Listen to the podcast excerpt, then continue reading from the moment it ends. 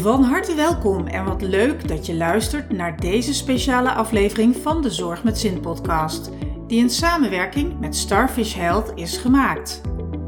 In deze reeks ga ik in gesprek met een interessante coach of therapeut van dit mooie platform, waar je van alles vindt over aanvullende zorg. Laat je verrassen door wat er allemaal mogelijk is als het gaat om klachten en therapieën. Volg deze podcast en ga zo voor less stress en more happiness.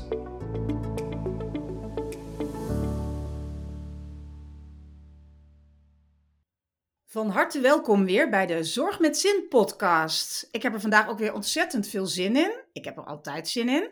En uh, vandaag hoop ik dat mijn gast ook heel veel zin heeft in dit uh, gesprek. Want de gast heb ik vandaag Saskia de Vet. En ik ben ontzettend blij dat zij uh, aangeschoven is in mijn online studio vandaag. Van harte welkom, Saskia. Dankjewel, Suzanne. Ja, ik vind het ook echt ja, bijzonder dat ik met jou dit, deze podcast mag opnemen. Ja, ja, En, en dat is geheel insgelijks, want ik, ik ga jou even introduceren. Jij bent uh, eh, 2021 begonnen als rouwverwerkingscoach. En jij doet dat niet op een standaard manier, maar op een ja, op geheel eigen wijze eigenlijk. En dat heeft mij enorm nieuwsgierig gemaakt. Dus daar ga jij ons straks van alles over vertellen. Maar ik wil eerst eens weten, wie is Saskia eigenlijk? Nou, ik ben uh, dus Saskia de Vet. Ik ben moeder van Floris, die is uh, eh, 11 jaar. En uh, nou ja, ik ben dus ook weduwe. Wat mensen ook al denken misschien, uh, ja, dat weten natuurlijk mensen niet. Nee, ik ben weduwe en wees. ja. En dus ook heel erg veel met rouw te maken gehad. En verder is ben ik wel eigenzinnig, doorzetter. Um, nou ja,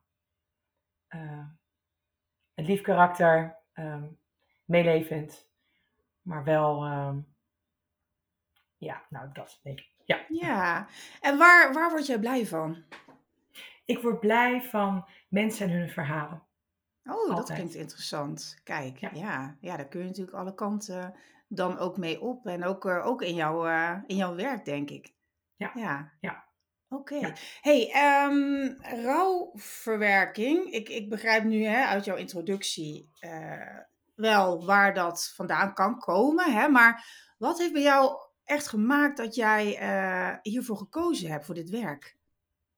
Um, daar kan ik wel een stukje terug gaan, denk ik. Het was, uh, ik ben voorzien schoonheidsspecialiste. En daar kwamen mensen, zeg altijd gewoon in de salon, dan ben je ook half psycholoog, zeg maar. Ja. En dan kwamen mensen ook al met uh, hun verhalen. En dan dacht ik, ja, maar ik, ik kan daar niks mee. En toen um, is het langzamerhand gegroeid.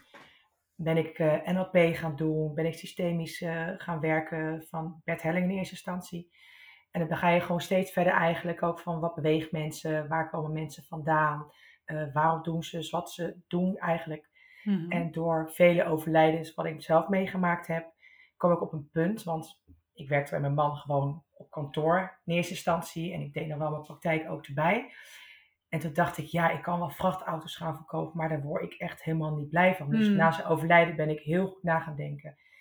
En dan denk ik, ja, ik word blij van mensen en hun verhalen. Ja. En wat, uh, ja, hoe kan ik hun daarbij ondersteunen en, uh, en verder helpen om weer gewoon het geluk weer in hun hart te kunnen voelen. Dat is denk ik echt bij mij echt een omslag geweest uh, in 2020 al. Dat ik dacht van ja, dit, dit ga ik neerzetten met alles, alle kennis en levenservaring. Ja. Ja, dus mooi. de, ja. En mag ik vragen wanneer jouw partner is overleden? Ja, is dat lang, is, lang geleden? 15 maart 2018. Oh, dat is, oh, dat is nog wel dus, redelijk. vier jaar. Vier. Ja. En wel, wel uh, knap, vind ik dan persoonlijk, dat je, dat je in die tijd ook voor jezelf dan hebt kunnen kiezen, maar ook dit, deze richting dan voor jouzelf zo helder hebt gekregen. Hè? Ja. Dat is dan wel heel bijzonder. Ja, maar dat is ook gekomen doordat ik uh, bij een energetisch therapeut was geweest. En ik zei, ik weet echt niet wat ik nu wil gaan doen. En dat was heel bijzonder. Dan ging ik op briefjes staan. En toen uh, heb ik dus een, uh, nou ja, zes kantjes geschreven. Wat ik eigenlijk, nou, wie ik ben en wat ik doe. En heb zij een paar ja, woorden, zeg maar, gewoon los op een blaadje geschreven. Heb ik alleen maar gevoeld. Er kwamen er twee briefjes kwamen eruit. Dood en leven. Oh, echt? En toen dacht ik, oké, dus heb ik een mindmap gemaakt over wat het doodhouden voor me inhoudt en wat houdt leven voor me in. Mhm. En toen is voor mij duidelijk geworden dat ik dacht, ja, dit is gewoon mijn missie hier op aarde. Zo, Ja. wat mooi. Wat een mooi, Dus, zo, ja. mooi verhaal. Bijzonder ook. Ja. Ja. Nou, ik kan me voorstellen dat er heel veel mensen heel erg blij zijn eh, met jou en met wat jij doet. Daar komen we dan eh, zo nog verder op. Mhm. Ehm, ja, even een heel ander onderwerp. Vitaliteit. Dat is Ja. natuurlijk mijn, eh mijn pakje aan, zeg ik dan maar. en, en dan vooral een stuk preventie. Dus dat mensen echt zich bewust zijn van ehm, wat ze willen sowieso. Als het gaat om hun hele vitaliteit. Hè, maar ook waar ze nu staan. En, en het belangrijkste, dat ze weten dat zij de sleutel in handen hebben om veranderingen eh, aan te brengen in het leven, waar dan ook, hè, op welk vlak dan ook. Mhm. Ehm, en daar merk ik steeds meer van dat daar echt mijn ding ligt om, om hen ervan, om hen dat te laten inzien. En ook te laten inzien dat het helemaal niet moeilijk hoeft te zijn. Ja, maar je moet natuurlijk een keuze maken van waar wil ik mee aan de slag. Je moet dan een doel bepalen. En het belangrijke is dan dat je in kleine stapjes, eh, dat is in ieder geval mijn, mijn eh, insteek, eh, kleine succesjes behaalt en vervolgens dat doel ook behaalt. En dat je daarna weer kijkt, goh, maar wat zou ik dan nu nog meer willen? En dat je echt de smaak te pakken krijgt van, dat, ja, hè, van die, die aanpak, zeg maar. En dat Ja. je het ja, tot je leven, of in je leven integreert. Dat is eigenlijk, nou kort samengevat, wat, eh, wat ik doe en waar ik mensen graag bij begeleid. En ehm, ik, ik vraag me af, eh, ja, wat, wat betekent, laten we daarmee beginnen. Wat betekent vitaliteit voor jou? Ja, dat, dat, dat vind ik wel grappig, want het kan dus voor iedereen weer anders zijn. Maar in mijn werk voelt het dat ik de vitaliteit van de geest aanpak op mijn, op mijn eigen manier, zeg maar. Dus Ja. met mijn klanten. Ja. En dat doe ik eigenlijk gewoon door te kijken welke emoties er zijn. En met ook mijn passie voor de etherische oliën daarmee te werken. Mhm. Ja, om die emoties op een fijne manier te ondersteunen. En dat, dat doe ik ook door middel van massages, door de ontspanning te krijgen. Of ik maak voor mensen gewoon een, eh, een speciale oliemixroller van verschillende oliën. Aha. Die ik voor de klanten speciaal op maat maakt. Ja, Bij de situatie die op dat moment eigenlijk eh, ja, bij de mensen spelen. Dus ik, dat is voor mij, voor mij werk dan. En ja, dat is denk ik eh, hoe dat stukje voor, me- voor mijn werk zeg maar dan eh, ja. is. Ja, maar dan heb je al een tipje van de sluier eh, opgelicht, Oh. hè? Ja, maar dat maakt mij razend nieuwsgierig. Want vertel eens, wat zijn etherische oliën? Wat zijn etherische oliën? Dat is eigenlijk gewoon de aroma, zeg maar. Dus het vluchtige stofje wat eigenlijk dus van een plant is. Oké. Dus je kan dat dus maar zien als je dus een, ehm, in, een, in, een, in een bos bent en daar zijn eh pepermunt, zeg maar. Dan kunnen dus dieren dat ook eten, omdat ze last Mhm. van hun maag hebben. Dus dat is de aroma eigenlijk die loskomt van het plantje. Oh ja. en dat ja, stoppen ze dus eigenlijk in een, eh, met de koude persing in een potje. Ja, en eh, je hebt daar inderdaad, ik heb er wel eens inderdaad van gehoord, je hebt er van alles, hè? De bekende lavendel waarschijnlijk, maar je hebt dan nog veel meer. Hoeveel zijn er wel niet? Waar ik mee werk met, met doTERRA zijn er denk ik, zit te kijken naar mijn... eh, Oh, dat zijn de, de potjes. Ja. Ja, daarachter zijn de potjes. Ja, Ja. zitten natuurlijk, hè, Oh ja. we kunnen elkaar zien. ja. Eh, maar het zijn er denk ik een stuk of, nou, honderd misschien wel. Oh, meer. serieus? Ja, Jeetje. En ze hebben allemaal hun eigen werking. Ja. En je kunt ze combineren, dus begrijp ik, hè? als je dus iets op maat maakt. Ja. Ehm, dat vind ik wel heel interessant. Ehm, hoe kom je dan tot een compositie daarvan voor een Ja. persoon? Ja, voor een Mhm. klant. Vertel eens. dat, is wat ik op mijn eigen wijze doe, zeg maar. Oh, kijk. Nee, nee, nee. nee. Ik, wat, wat ik bijzonder vind, ik had laatst ook een, eh, een klant die had heel erg last van, van darmklachten en kon niet goed slapen. En dan ga ik gewoon in gesprek met zo iemand. Hè? Dus ik eh, ben rouwcoach, maar ook soms wel eens dat mensen wel op een ander vlak bij mij komen. Maar het heeft vaak toch wel ook wel een stukje met rouw te maken, met afscheid nemen van bepaalde situaties. Dat kan natuurlijk Ja. eh, familiebanden zijn of eh rouw met de scheiding. Of, hè, dat Mm. kan op verschillende vlakken. Maar vaak hebben mensen dus ervaren dus bepaalde klachten in hun lijf.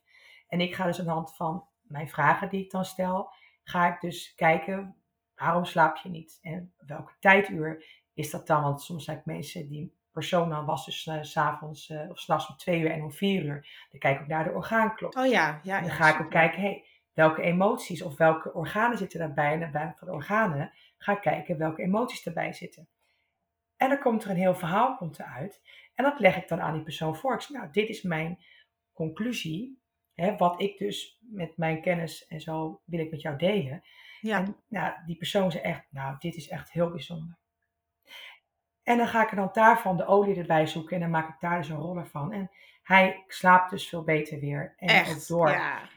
En ook zijn darmklachten zijn eh, een stuk verminderd. Dus dan denk ik, ja, daarom vind ik het zo leuk. Ja, fantastisch. Wat gaaf. Want ook, ook, het lijkt me ook ontzettend leuk om zoiets te doen. Want je hebt Ja. steeds te maken met maatwerk. En, en eh, ja, je kunt elke persoon weer eh, op zijn of haar manier verder helpen. En, en dus ook zelfs van allerlei klachten, begrijp ik, hè, dan afbrengen weet- al dan niet. Ja, Ja, ik precies. dan wel bij de huisarts gaan. Maar tuurlijk, is- tuurlijk, tuurlijk. Ja, ik ben maar- wel van het psychosomatische stuk. Juist. Een klacht zit altijd een bepaalde emotie kan eraan zitten. En Ja. als ik dan met mensen in gesprek ben en dan dat stukje gaat eh, benoemen. eh, want hè, als je dus een huisarts hebt je nodig. Want ik ga daar zeker niet op die huisartsstoel zitten. Want soms heb je ook gewoon die arts nodig en die medicijnen. Maar absoluut, absoluut. Ja. ik heb al zoveel ervaring hiermee dat ik dacht van ja, wauw, dit is ook in mijn rouwverwerking. Ja, help ik, dan ja, ga ik daar ook eens mee, mee aan de slag op dat eh, Ja, stuk. fantastisch. Wat, eh, wat bijzonder. Nee, ik begrijp het helemaal hoor. Ik eh, doe ook, dat weten heel veel mensen niet. En dat is eigenlijk wel heel grappig. Oh. Ja, Nou ben ik nieuwsgierig. Ah, dat weet, ja, dat weten een aantal mensen wel. Maar ik, ik vertel er eigenlijk nooit wat over. Realiseer ik me nu, nu jij dit vertelt. Ehm, ik ben ook hormooncoach. En neem in mijn coaching dat stukje als een klein onderdeel mee, daar waar nodig. Dus op het moment dat mensen inderdaad eh, klachten, psychosomatische klachten hebben, bij de huisarts zijn geweest, dat er nergens een oorzaak voor gevonden is, en maar dat ze ermee verder blijven lopen. Ehm, en dan duik ik dus in die hormonen, want het is razend interessant. En eh, ik ben dus nu ik heb er eh, door ja, familieomstandigheden dus heel veel eh, ook nagedacht. Van hè, wat ben ik nou zelf allemaal mee bezig? Want soms hè, word je even met je neus op de feiten gedrukt. En toen dacht ik, oh, maar die hormonen, dat is echt mijn ding. Wat nou als ik me daar echt eh, expliciet op ga richten? Want dan kan je ook, net als jij vertelt, hè, eh, dat weet ik ook uit ervaring zelf, eh, zoveel mee doen. Ja. En zoveel mensen van bepaalde klachten afbrengen. Ehm, eh, en- of mensen zelfs, ja, dat, dat kan zelfs, als je kijkt naar diabetes, ook van, van medicatie. Of dat ze mi- maar minder medicatie hoeven nemen. En dan denk ik, wauw, dat, dit moet eigenlijk de wereld in. Dus nu jij dit zo ook vertelt, ik, ik eh, heb ook helemaal dat enthousiasme. Nou, nou, het is ook een teken voor mij van, eh Suus, doen. yes. Dus Yes, dank je wel daarvoor. Maar, maar inderdaad, dat stukje van hè, eerst dat medische en dat is het allerbelangrijkste. En Ja. daarna kan men dan, hè, kan, kan ik meekijken en kan ik ook zeker eh, eh, daar iets in betekenen. Net als jij dus, begrijp ik. En ja, het is fantastisch dat, dat dat kan en dat het er is. En het is ook mooi dat steeds meer mensen dat ook gaan ontdekken. Ja. Ja. Nou ja, je, je kan het, eh, het is altijd, je bent, het, het- stuurt zeg maar het zelf heen het vermogen ook aan de etherische oliën. En dat is ook gewoon denk ik een groot goed, want het komt uit de natuur. Het is Ja, natuurlijk, het is niet, ja. je kan niet verslaafd raken, want hè, lullig gezegd, maar antidepressiva hè, is voor heel veel mensen ook zoveel bijwerkingen. En ik heb het opgelost eh, in mijn eh rouwstuk, zeg maar, toen met eh, lavendelolie. Elke dag een paar druppels Echt waar. Oh, ik heb er Ja. een kippenvel van. Ja, Ja. wauw. Dus zo, ja, tussen Dus- aanhalingstekens, eenvoudig zou het kunnen zijn. Ja, voor en mensen. dat wil ik ook dus aan mensen mee kunnen geven. Dat het ook op een hele andere manier kan. Ja. Maar het is je aan die en- persoon en. zelf. Zou En, en en. En dan, weet je, dat Ja. is, het een hoeft het ander natuurlijk niet uit te sluiten. Nee. Wat gaaf. Ja, ik vind, ik, etherische olie vind ik enorm interessant, ook al jarenlang. Ik ga er niks mee doen, want ik heb genoeg andere dingen te doen. Nee maar, hoor. ik, maar ik moet ook zeggen, ik heb er ook nog nooit mee, eh, eh, zelf iets mee gedaan. Dus hè, voor mezelf. Dus daar kan ik best nog wel eens naar kijken, denk ik, om daar toch eens een keer iets mee eh, te gaan doen. Hè, mensen zeggen altijd, ja, ik heb nergens last van. Dat zeg ik dan ook heel hard. Maar er is vast ongetwijfeld van alles waar, wel, hè, waar het beter kan. Of wat het me, waar het me meer rust geeft of zo. Dus ik, eh, ik weet je te vinden. Ja, of, of een bepaalde verdieping kan geven op iets wat je. Het hoeft niet zozeer dat je ergens last van moet hebben, maar het kan je ook helpen als je ja, bepaalde, tegen bepaalde dingen aanloopt. En dat kan op allerlei vlakken dingen zijn. Dus dat, dat is niet zozeer alleen maar een klacht hoeft te zijn wat fysiek Nee, is, maar dat kan ook een bepaalde ondersteuning geven. Of ik gebruik nooit een parfum. Ik heb altijd een etherische olie smeer ik ergens op. En ik Oh, ben echt, joh? de diffuser eigenlijk. maar ja, Geweldig. dus maar goed. Ja. Maar ze ruiken lekker. Nou, dan nog een laatste vraag over de etherische olie. Welke Mhm. ruikt het lekkerst? Wat is jouw parfum? Of heb je, wissel je het af? ik, wissel, ik wissel af. Het is net in wat voor stemming ik ben. Dat is, eh, eh, ik heb nu de Passion op gedaan. Dat is echt een olie die zorgt dat je je eigen passie weer echt mag voelen en mag gaan herleven. Dus ik had echt zoiets van, oh, dat is een, van de emotiekit ook. En dat, eh, daar werk ik ook zeg maar ook in eh, mijn rouwverwerkingstraject ook mee. En eh, dat geeft je gewoon echt een bepaalde passie vanuit een diepere bron van liefde voor jezelf. En dat, eh, ja. Wauw. Dus dat ondersteunt op een heel ander soort vlak. Ja, precies. Dan zit je Ja. echt op een stuk eh, op emotie ook. Op hè? Dat is dan, eh, ja, ja, ja. Ja. En dat is heel dus eh, belangrijk. Ja, ik ruik hem helaas. Dat kunnen we nog Ja, niet. nee, hè? Dat vind ik wel jammer. Dat klinkt al goed. Nou, oké. Ja. eh, super. Ik kan hier nog... eh, Hier kan ik al een hele aflevering over vol Gaan we kletsen, een andere met keer. jou. Ja, dat is goed. Deal. Ja. Oké, eens kijken. We gaan eens eh, naar jouw bedrijf.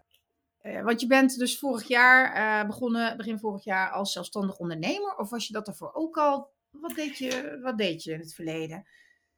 Drie Ehm, vragen, maar drie vragen in één. Ja, ja. Ehm, ik heb wel vaker eh, een eigen bedrijf gehad, zeg maar. Dus dat eh, is niet voor mij eh, onbekend. Ik ben van schoonheidsspecialiste naar freelancer op allerlei promotiewerkzaamheden. Ah. Dus ik, deed heel veel op Schiphol. En daarna heb ik een lingeriewinkel gehad met een vriendin. Oh, echt? Weer iets heel Ja. anders? Ja. is heel iets anders. Daar ben ik zo ingerold, maar dat is helaas niet zo leuk afgelopen. Mm. Toen heb ik bij de bank gewerkt, bankwezen gewerkt. Maar ik was niet commercieel genoeg, ik was te sociaal. En toen Mm. dacht ik, ja, dat kan wel, want ik vind mensen inderdaad leuk, wat ik al eerder zei. En toen, ben ik, eh, toen was ik zwanger van, van Floris, dus dat is natuurlijk eh 11, 12 jaar geleden. En toen raakte ik dus mijn baan kwijt omdat ze overnames hadden. Toen dacht ik, ja, wat ga ik doen? Toen ben ik wel inderdaad, had ik mijn eigen eh, praktijk, maar dat was eigenlijk gewoon heel klein, omdat wij dus een bedrijf hadden met eh, in- en verkoop van vrachtauto's. En daar deed de administratie van.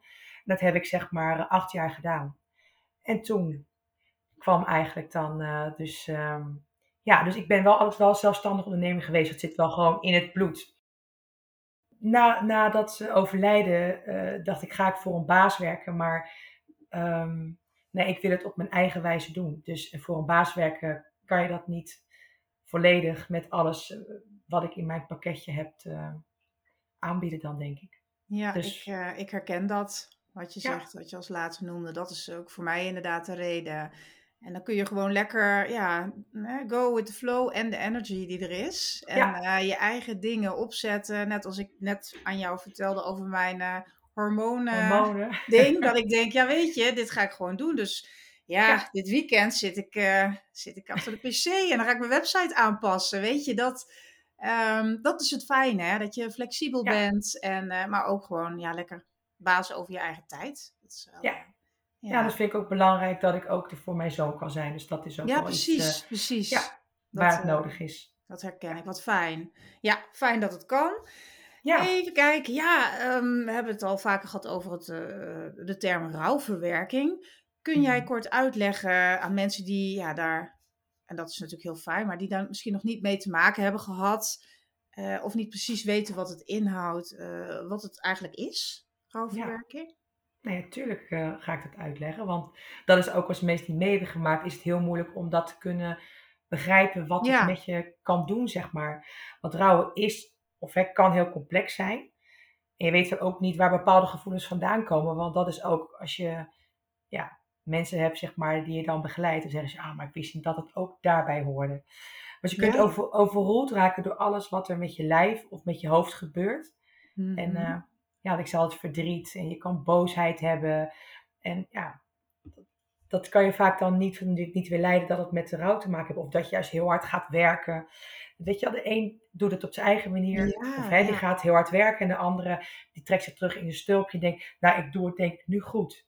En je doet het altijd goed, want Ja, jij doet het op je eigen, eigen manier. Ja, dat is ook een Maar- hele belangrijke, denk ik, hè, wat je net benoemt. Dat er geen fout, foute manier van met rouw omgaan is. Dat mensen Nee. zich niet schuldig hoeven te voelen als ze vluchten in hun werk, bijvoorbeeld. Nee. Hè? Dat dat helemaal oké is. Dus Ja. dat, eh, ja, dat kan me voorstellen dat mensen dan wel het idee hebben van ik moet, de, hè, ik moet misschien iets wel of iets niet doen. Dat is misschien ook weer een extra stukje stress, kan ik me Mhm. voorstellen. Hè?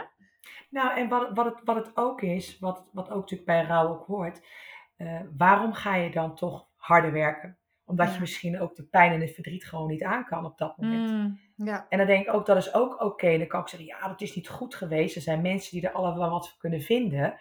Maar het is jouw stukje. En jij moet het op jouw eigen manier ook eh ermee Ja. zien om te leren gaan. Ja, ja. Want wat je ook vaak ziet, of vaak, hè, maar wat ik in ieder geval wel eens in mijn omgeving meemaak, is dat iemand die zich terugtrekt, die in rouw is, dat juist iedereen aan diegene gaat trekken. Kom toch mee, je moet er een keer uit. Eh, ga toch met ons mee, je moet onder de mensen. Ehm, Ja. Dat is eigenlijk denk ik niet iets waar iemand die dan in rouw is, eh, ja, zich prettig bij voelt.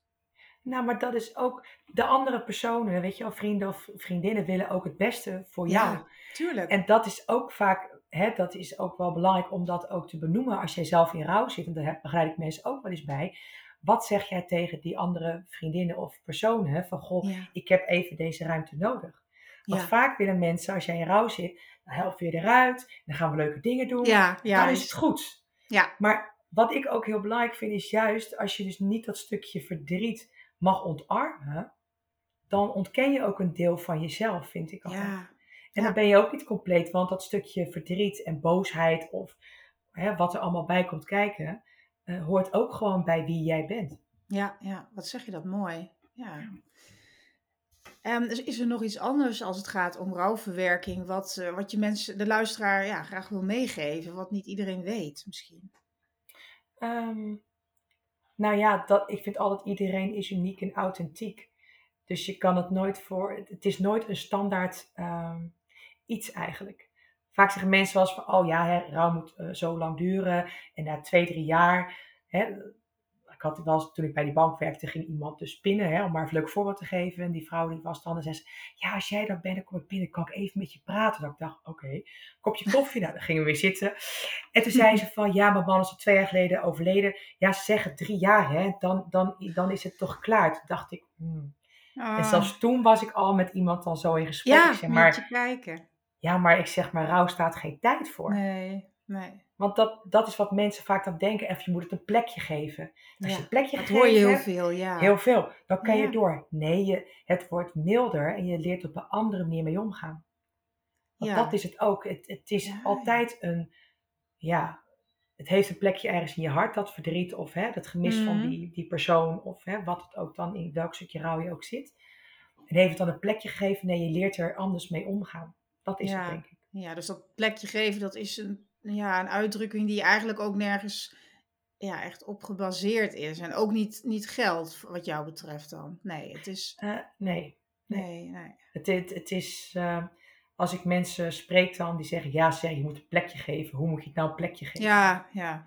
Ja, dat is dus mensen in eh, rouw, die, daar komt het heel anders over. Als, je dus, ja, als ik dan iets mee mag geven aan mensen die dus dan iemand dus willen begeleiden of willen steunen. ehm, luister gewoon naar die persoon en kijk wat diegene nodig heeft.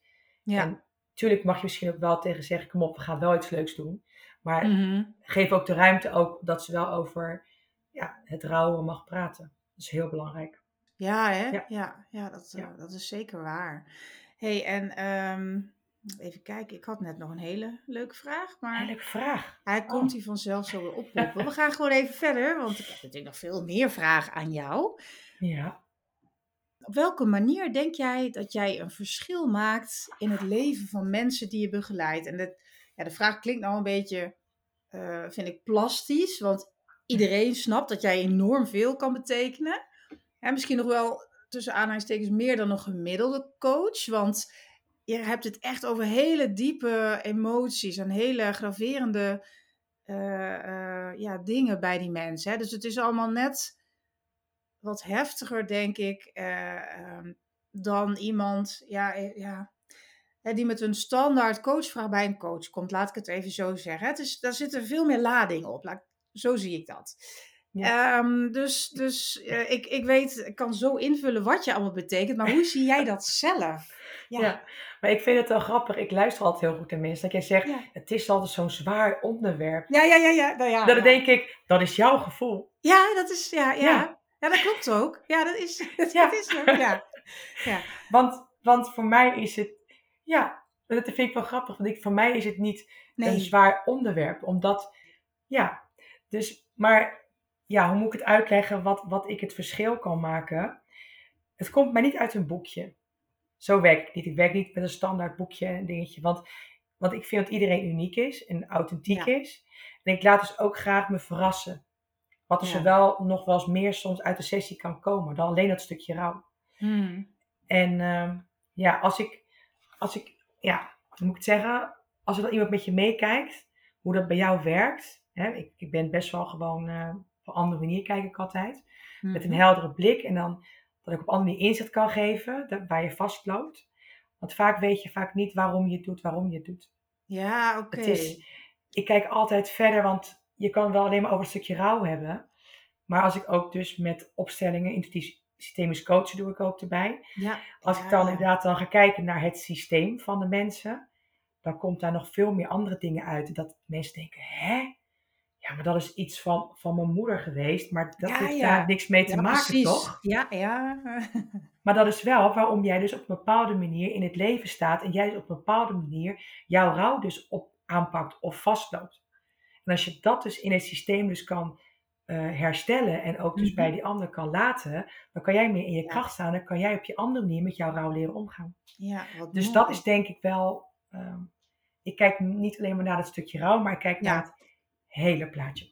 Ja, precies. Want je wil echt, eh, je stelt eh, meermaals, denk ik, de vraag achter de vraag. En op die manier kom je natuurlijk ook op andere ja, niveaus uit, zeg ik het maar, hè, van, van Ja. zaken. En Ja. die neem jij dus ook mee. Daar ga je ook Ja. mee aan de slag. Mijn vraag is inmiddels weer opgepopt.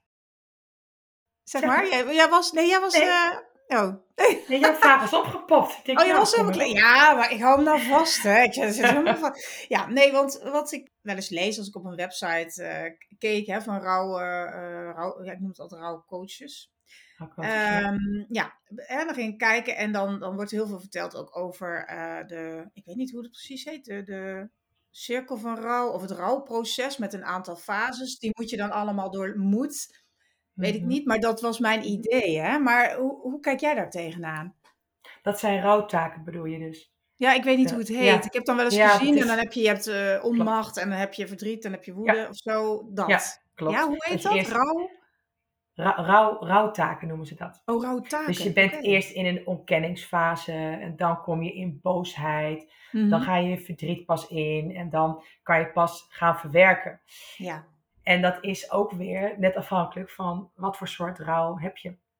Aha. En dat is ook waar ik op een gegeven moment tegenaan gelopen was. Want dan ga je natuurlijk naar een, iemand die gespecialiseerd is in, in mijn geval complexe rouw. Omdat mijn man eh, zelfmoord heeft gepleegd. Dus dan is het wel iets Mm. complexer natuurlijk. Ja, oké. En eh, toen zei die man, ja, je gaat helemaal volgens de curve. Je, het gaat dan zo en het gaat dan zo. Toen dacht ik echt, ja, maar er zijn nog meer emoties. En ja, hoe ga ik daar dan mee om? Ja. Toen dacht ik, nou, als jij de specialist bent, dan dacht je dan van... dacht ik ook, ja, nee, ik wil niet Nee, zeggen dat ik het beter kan. Maar dan denk ik van, voor mij is het, is, ja. het, is het niet alleen maar dat je het goed doet volgens die, die curve. Want Juist. rouw is eigenlijk, rouw doe je eigenlijk heel je leven. Want Oh het ja? is niet, nou, dat denk ik wel. Ja, heb ik een heel geloof het, goed- hè. Maar... Ja, nou, ik heb Oh, een heel goed voorbeeld met mijn zus, zeg maar ook. Die eh, toen dus mijn man overleed, toen kon zij pas na 21 jaar haar rouw aankijken van haar overleden partner toen. En toen zei ze, ik heb het nooit verwerkt. Ja. En dan denk ik, zo zie je maar hoe dat dus bij iedereen anders werkt. Maar kon je het toen aankijken? Nee, misschien kan je het op dat moment niet aankijken. Ja. En het is ook gewoon, hoeft maar iets te gebeuren, waardoor je ineens weer eventjes een Ja. terugval hebt. Of dat je denkt, oh, dat muziekje komt. Of Mm. Waardoor je gewoon weer geraakt wordt. En dat is oké. En als je dat dan, wat ik dan ook net al zei, ook dat ene stukje kan ontarmen van jezelf. Ja. Ja. Dat, het, dat je het ook toe mag staan om ook dan te denken, nou, ik heb eventjes een helmomentje. ja. En daarna gaat het wel weer, want dan kan je je sneller weer herpakken. Omdat je het ook toestaat, want dat is ook een onderdeel van jou, wie jij bent. Ja, wat Ja. mooi dat je dat zo zegt. Want ik denk inderdaad dat dat heel belangrijk is. Dat mensen ook Ja. kunnen denken. En dat, dat vul ik dan even in. Hè. En wat ik af en Mhm. toe dan, gelukkig heb ik er niet zoveel mee te maken gehad. eh, Uh, hè, maar via vriendinnen of zo, dat ze dan denken, weet je, hè, verdorie, dan ga ik weer huilen en het is al zoveel jaar geleden bijvoorbeeld. Weet je dan, maar dan, en dan weet ik mezelf ook niet echt een houding te geven. Dan zeg ik, ja, dat maakt toch helemaal niks uit. Je mag altijd, uh, je emoties mogen er altijd uit. Ja. Maar, maar je bedoelt met omarmen voor hen, dat ze dat gevoel gewoon mogen toelaten en lekker laten komen.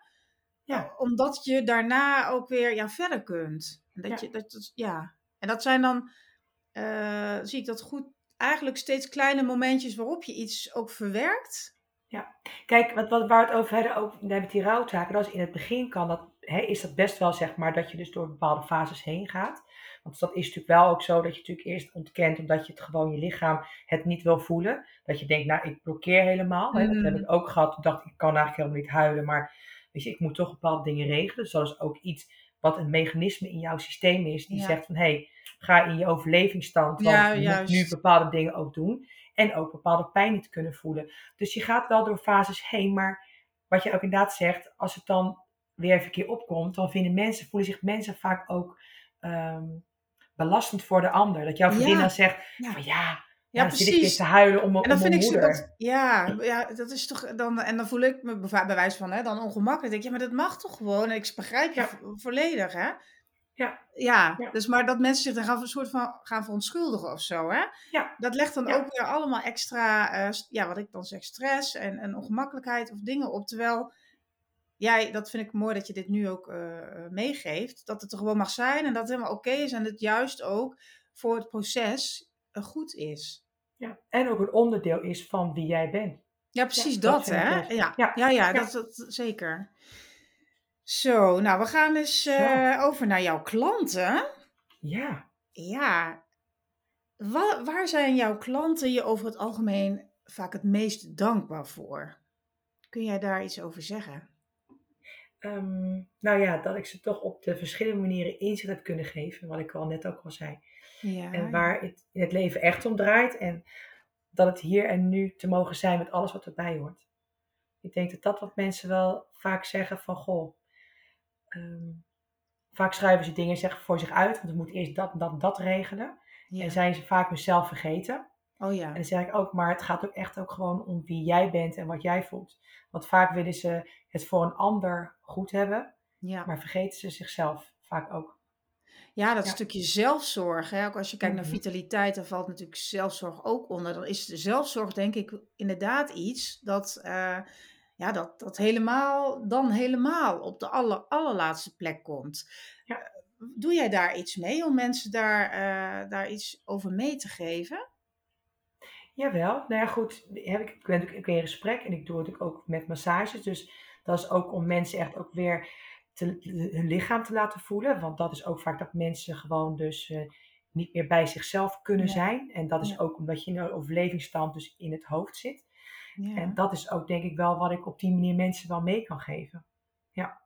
Dat is natuurlijk ook jouw, jouw extra meerwaarde nog. Ik weet zeker dat als het alleen om, om uh, coaching sessies ging met jou, dat ze ook al ontzettend ver komen als ik jou zo hoor. Hè, over jouw aanpak en zo. Maar je hebt dan die extra dingen er nog bij. En dan ook nog die olie. Ik kan me voorstellen dat mensen daar ook uh, ja, iets van vinden. Kun je daar iets van vertellen? Met, uh, reacties over ja, dat werken met die etherische oliën?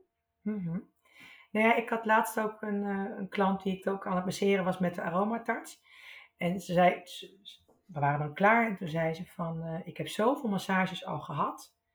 Maar ik heb nog nooit echt zo ontspannen uh, het gevoeld. En dan denk ik ook, de aromatart is eigenlijk meer een aanraking. En dat je op een bepaalde manier dus bepaalde, nou, dan doe je acht oliën op elkaar zeg maar lageren. Dus dan doe je dat dus uh, opstapelen. En zeg, ik heb het nog nooit, en het is ook gewoon een bepaalde techniek natuurlijk met verschillende olie, waardoor ook bepaalde dingen ook in het brein ook mee gaat werken. En dat je echt vanuit je hoofd echt weer gewoon in je lijf kan het gaan voelen. Want ik ben altijd van mening dat als je echt gewoon weer bij je eigen kern kan zijn, dat je vanuit daaruit gewoon veel makkelijker bepaalde dingen uh, kan aankijken en kan uh, ja, verwerken. Ja. ja. Wauw. Nou, ik vind het uh, dus, fascinerend. Ja, de manier waarop jij werkt. Nee, echt. Dat, ja. ja, het klinkt voor mij echt heel, ja, ook super aannemelijk, maar ook eh, ja, een heel, hele fijne begeleiding. Eigenlijk dan op alle vlakken. Hè? Het mentale vlak, Ja. maar ook zeker fysiek. En dan dat tot jezelf kunnen komen, maar ook daar kunnen hè, proberen te blijven. Zoveel mogelijk. Dat zal je ze dan ongetwijfeld ook meegeven en, en daarin eh, coachen.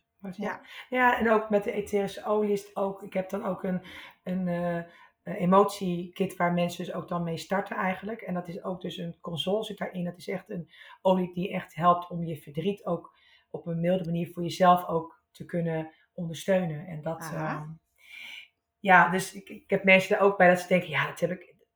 Het gaat dan eigenlijk veel makkelijker en vanzelf. Ja, Het klinkt dan zo heel simpel, maar soms kan het ook soms zo heel simpel zijn. ik Ja. wou zeggen, soms zijn oplossingen gewoon ja, zo voor de hand liggend dat je, dat je er niet eens zelf zo aan zou denken. Nee. Ehm, maar dat, eh, ja. Dus daar heb ik wel ervaring mee dat mensen denken, oh, het is echt, eh, ja. Dus dat is mooi. Zeker weten, zeker weten. We gaan dan nu naar jouw dienstverlening. Mhm. Eh, we hebben het net al even gehad hè, over dat rouwproces en over die rouwtaken, zoals ze dan heten. Ik heb weer, ook vandaag weer iets geleerd. Ik wist niet hoe het heette.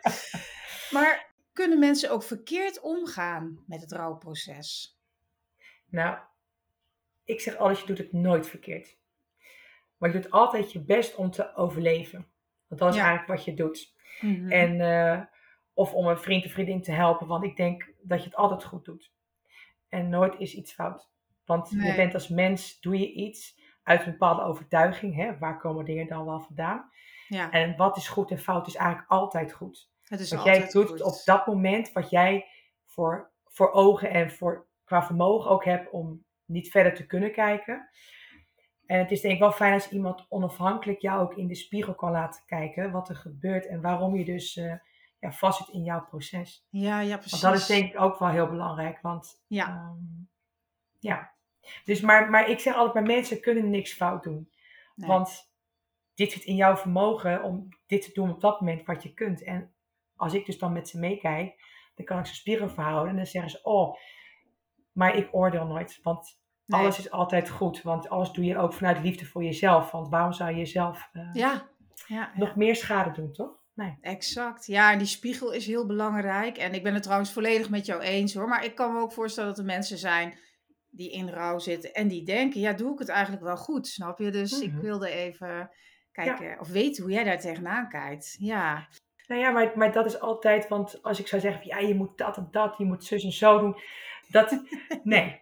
Ze moeten gewoon in gesprek gaan. En dan, dan kan je dus op een heel andere manier kan je dan kijken met elkaar. en dat is ook een Ja. prettige manier. Maar er zijn ook mensen, denk ik, die, die wel eh, verwachten bijvoorbeeld of hopen dat ze een eh, takenlijstje krijgen. Hè? Dat zal je misschien ook wel eens tegenkomen. Ja, Ja, en hoe ga je daar dan eh, mee om? Nou, dat krijgen ze van mij niet. Nee, hè? Nee, Maar dat gekkigheid. nee, het is gekkigheid. Het is, het is net wat de persoon nodig heeft ook. En ehm, omdat ik altijd vind, iedereen is uniek, dus niemand is hetzelfde. Ja, daarom. Dus ik kan wel zeggen, nou, hè, er gaan bepaalde stappen doorlopen, maar dat maakt denk ik waarom ik het op mijn eigen wijze doe, omdat ook iedereen uniek is en het niet een standaard eh, proces is. Dit is altijd, wat hebben mensen nog meer meegemaakt en waar komen Ja, nog meer ja. dingen vandaan? En ehm, ja, Ja, nu het eh, toch in dit diepe, of dit diepe, ja, ja, ik blijf het zwaar en, en ik, ja, ik, ik vind het wel zwaar. Maar ja, ik vind het, ja, ik, eh, maar goed, ehm, nu we toch in dit thema zitten, eh, wat is een belangrijke tip die jij mensen graag wil meegeven die onlangs een dierbare zijn verloren? Ja. Wat ik altijd belangrijk vind om wel mee te geven is dat je weet dat je het nooit alleen hoeft te doen. Oh, dat is heel mooi, ja. Dat vind ik altijd, eh, mensen hebben altijd het gevoel van ja, dit is, mijn, dit is mijn eenzame strijd die ik moet voeren Ja. met mezelf. Want de ander zou het niet snappen. Maar zoek wel naar mensen die jou wel op een positieve manier willen en kunnen ondersteunen. Ja, Want je hebt ook soms wel eens mensen die ook dan in zelfmedelijden zitten, omdat hè, wat je meegemaakt hebt ook soms de andere persoon kan raken of ze je willen helpen. Maar dan ga jij eerder op de trooststoel zitten dan dat ze jou kunnen troosten. ja, ja. Dus eh, ga goed kijken wat goed is voor jou op dat moment. En praat ook met die mensen. Want dat is vaak ook wat mensen niet doen. Want als ze dan zeggen, goh, hè, ehm, ik heb ook een vriendin gehad die kwam alleen maar eh, een kopje thee brengen of die belde me op en dan zei ze, wat heb je nodig? Maar als je dat dus niet met iemand communiceert, dat je het heel fijn vindt dat iemand dat doet. Ja. Hè, of dat je het niet zegt van, goh, ook al kom maar gewoon een kopje thee drinken, daar hoeven we nergens over te hebben. Als je dat Ja. fijn vindt, Ja. benoem dat ook. ja, precies. Dus aangeven wa- wat je nodig Wat je hebt. nodig hebt. Ja, ja. En ook inderdaad, ja, wat jij ook zei van goh, dat mensen misschien dus in een ehm, stuk willen zitten om even niks, geen, niks leuke dingen te willen doen. Dat ze ook zeggen, het is nu even goed voor mij zo. Juist. Maar ik zou het wel fijn vinden als je het volgende keer wel weer gaat vragen. Want volgende keer ben ik er misschien wel aan toe. Dat heb ik zelf ook gehad, dat vrienden Ja. zeiden, goh, we gaan naar een festival, vind je het leuk? Zei ik, nou op dit moment past het niet, maar misschien een volgende keer wel. Ja, ja. En de volgende keer ben ik wel met ze meegegaan. En dat was, hè, we gingen altijd met een groepje vrienden. En het was heel spannend de eerste keer. Toen dacht ik, ja, ik heb wel weer iets overwonnen voor mezelf. ja. Maar dat is heel fijn als je het wel ook kan benoemen. Dus dat is mijn tip, denk ik. Praat met wat de behoeften die jij op dat moment voelt. Ja, en wat een mooie gouden tip vind ik dit. En ook wat je als laatste zei, hè, dat je kunt zeggen eerst van nou op dit moment niet, maar vraag het me gerust straks nog een keer. Want de ander denkt na één keer eh, nee, van oh die laat ik dan nu maar even een half jaar bijvoorbeeld, hè, ga ik maar niet Ja. meer vragen. Terwijl jij daar dan misschien, of de persoon zelf daar wel weer enigszins klaar voor is. Of wel weer zin zou hebben op het moment dat het gevraagd wordt. Ja. Dus dat is ook heel belangrijk dan, denk ik. En dan de tip eigenlijk dan voor de mensen die dus de na, na, eh, naast die personen staan in de rouw zijn. Weet ook dat die persoon, want in het begin krijg je heel veel aandacht en is er heel veel eh, ehm, ja, tijd zeg maar ervoor. Maar na twee maanden, dan haken heel veel mensen af. Iedereen's Mm. leven gaat dan weer verder. En als je dan in rouw zit, kan het ook heel eenzaam zijn. Om dus dan niet meer die persoon om je heen te hebben. En dan denk je echt, eh, ja, dat mensen op een gegeven moment dan weer hun leven verder gaan. Dus hou ook dan voor degene die dus dan vrienden zijn van mensen in rouw, ook wel in de gaten van hey, af en toe eens bellen om te vragen hoe het met die persoon Ja. is. Want Ja. vaak gaat iedereen eh, door met zijn leven, maar het is ook wel fijn als diegene die dan in rouw zit ook af en toe wel eens eh, Ja, zeker. aangekeken wordt. Ja, precies. Want eh, in het begin heb je natuurlijk echt eh, iedereen. Hè? Dan zijn het eh en masse mensen die constant je, er voor je zijn. Wat ontzettend lief is natuurlijk ook. Ja. Maar op een gegeven moment wordt dat natuurlijk minder. En wat jij dan zegt, op een gegeven moment is er dan misschien bijna niemand meer. En dan kan ik me voorstellen dat je dat ook weer emotioneel raakt. En, en van alles los kan maken. Hè? Dus dat... Ja. Ja. Ja. ja, mooie tip. Ja, Nou, ik had een vraag, maar die heb je al uitgebreid beantwoord. Namelijk wat jou uniek maakt ten opzichte van andere rouwverwerkingscoaches. Maar dat is heel, eh, heel duidelijk. En ehm, ja. ben jij ook de enige in Nederland die dat zo aanpakt? Ehm, eerlijk gezegd, we- weet ik niet. Weet ik niet. Ik denk, dat is wel, denk ik, van ik doe het wel op mijn eigen wijze, zeg ik altijd.